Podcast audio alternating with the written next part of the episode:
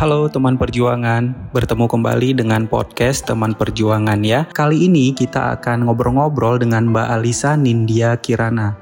Beliau adalah seorang pejuang kanker payudara. Bagaimanakah kisahnya? Langsung saja kita simak. Jadi awal ceritanya waktu awal pandemi COVID sekitar bulan Maret 2020 itu ada rasa nyeri di rusuk kiri saat saya periksa kerasa ada benjolan di payudara kiri. Terus saya periksain ke dokter bedah. Dari dokter bedah diminta untuk USG. Lalu pas USG dokternya bilang bentuknya bentuk benjolannya agak kurang enak nih karena batasnya nggak tegas. Lalu dokter bedah mengkonsulkan saya ke dokter bedah onkologi. Karena saat itu lagi pandemi, jadi nggak banyak dokter yang praktek dan rumah sakit tuh hanya memberikan pelayanan emergensi aja yang nggak elektif. Jadi saat itu saya hanya bisa konsul via WA sambil deg-degan kira-kira apa ya benjolan yang ada di payudara saya ini gitu. Harusnya sih dilakukan core biopsi, namun karena kondisinya kayak gitu akhirnya dilakuki, dilakukan FNAB aja. Dari sejak dilakukan FNAB sampai ada hasil sekitar dua mingguan. Saat hasilnya keluar, saya baca tulisannya kesannya sel karsinoma eh, payudara, sel karsinoma mamai gitu ya. Saya ya di situ berusaha menguatkan diri antara percaya dan gak percaya gitu. Setelah ada hasil tersebut, alhamdulillah mulai ada dokter onkologi yang praktek. Saat itu dokter derajat spesialis bedah onkologi baru mulai praktek, besoknya saya langsung jadwalin untuk konsul ke beliau saat konsul ke beliau sih dokter derajat sangat menenangkan sambil memberikan nasihat. Uh, beliau nyaranin untuk operasi sambil diperiksa jaringannya. Kalau ternyata jinak, ya hanya diambil diambil benjolannya saja. Namun kalau ternyata ganas, ya harus diambil semua jaringan payudaranya. Sampai saat sebelum operasi sih, kayaknya hati kecil tuh udah tahu bahwa kayaknya benjolannya nih ganas gitu walaupun ada sebagian besar hati berharap itu jinak. Uh, saya berusaha tenang supaya suami, keluarga nggak khawatir dan nggak mengasihani saya gitu ya. Sampai malam sebelum operasi, waktu lihat anak saya lagi tidur, kayaknya tuh semua rasanya menakutkan banget gitu. Akhirnya saya di situ nangis, uh, rasanya campur aduk, kayaknya kematian tuh udah di depan mata gitu ya mas.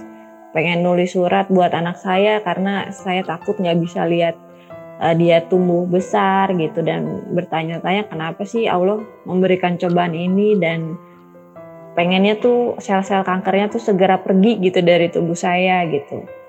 Ya saya berpesan saat itu sama suami saya apa pun yang terjadi saat operasi kalau dokternya ragu-ragu ini jinak atau ganas angkat aja deh payudaranya gitu Nah, setelah operasi ternyata selnya ganas dan payudaranya harus diangkat bersama kelenjar getah bening. Ya saya eh, tambah sedih lagi gitu. Dan tambah sedih lagi saat tahu ternyata selnya adalah sel dengan karakteristik yang agresif ya. Eh, IRPR-nya negatif, tapi HER2-nya positif dan KI-nya lebih dari 60%. Eh, Alhamdulillah sekali saya ditemani sama suami yang sangat sabar dan tenang ya. Keluarga ayah ibu eh, bapak ibu mertua juga uh, sabar tenang. Keluarga sama sahabat-sahabat saya juga sangat mendukung dan mensupport saya selama proses terapi nemenin ngajak ngobrol apa yang diperluin kerasanya apa gitu. Banyak sekali orang baik dan pejuang-pejuang kanker yang kontak saya karena dengar berita dari keluarga saya. Ngasih bermacam-macam tips dan trik Eh, sharing-sharing gitu ya. Ada salah-salah salah satunya adalah teman kerja ibu saya, dia juga pejuang kanker juga, kanker payudara juga menyarankan untuk minum uh, apa nutriken selama kemo untuk memenuhi kebutuhan nutrisi dan supaya nggak lemes sampai ngirimin sendiri ke rumah. Nah saya bersyukur sekali banyak yang peduli sama saya saat saya terkena kanker mas. Jadi uh, saya menjalani kemoterapi tuh total 8 kali, radioterapinya 25 kali, dan ada obat targeting sel 12 kali yang masih saya jalanin. Yang saya rasa paling berat itu adalah saat kemoterapi. terutama saat kemo pertama dan kedua mualnya tuh kayak mual saat hamil segalanya kecium gitu pengen uh, pengen muntah gitu tapi eh, nggak uh, bisa keluar karena nggak ada yang dimakan gitu. Selain itu saat kemo juga uh, leukosit itu sering turun. Leukosit itu sel darah putih ya. Uh, sering turun sehingga tubuh saya rentan infeksi gitu. Kalau radioterapi relatif nggak terlalu berat sih alhamdulillah. Hanya efek samping lokal saja kayak kulitnya kering, menghitam dan mengelupas. E, memang pada saat kemo itu berat banget sih mas.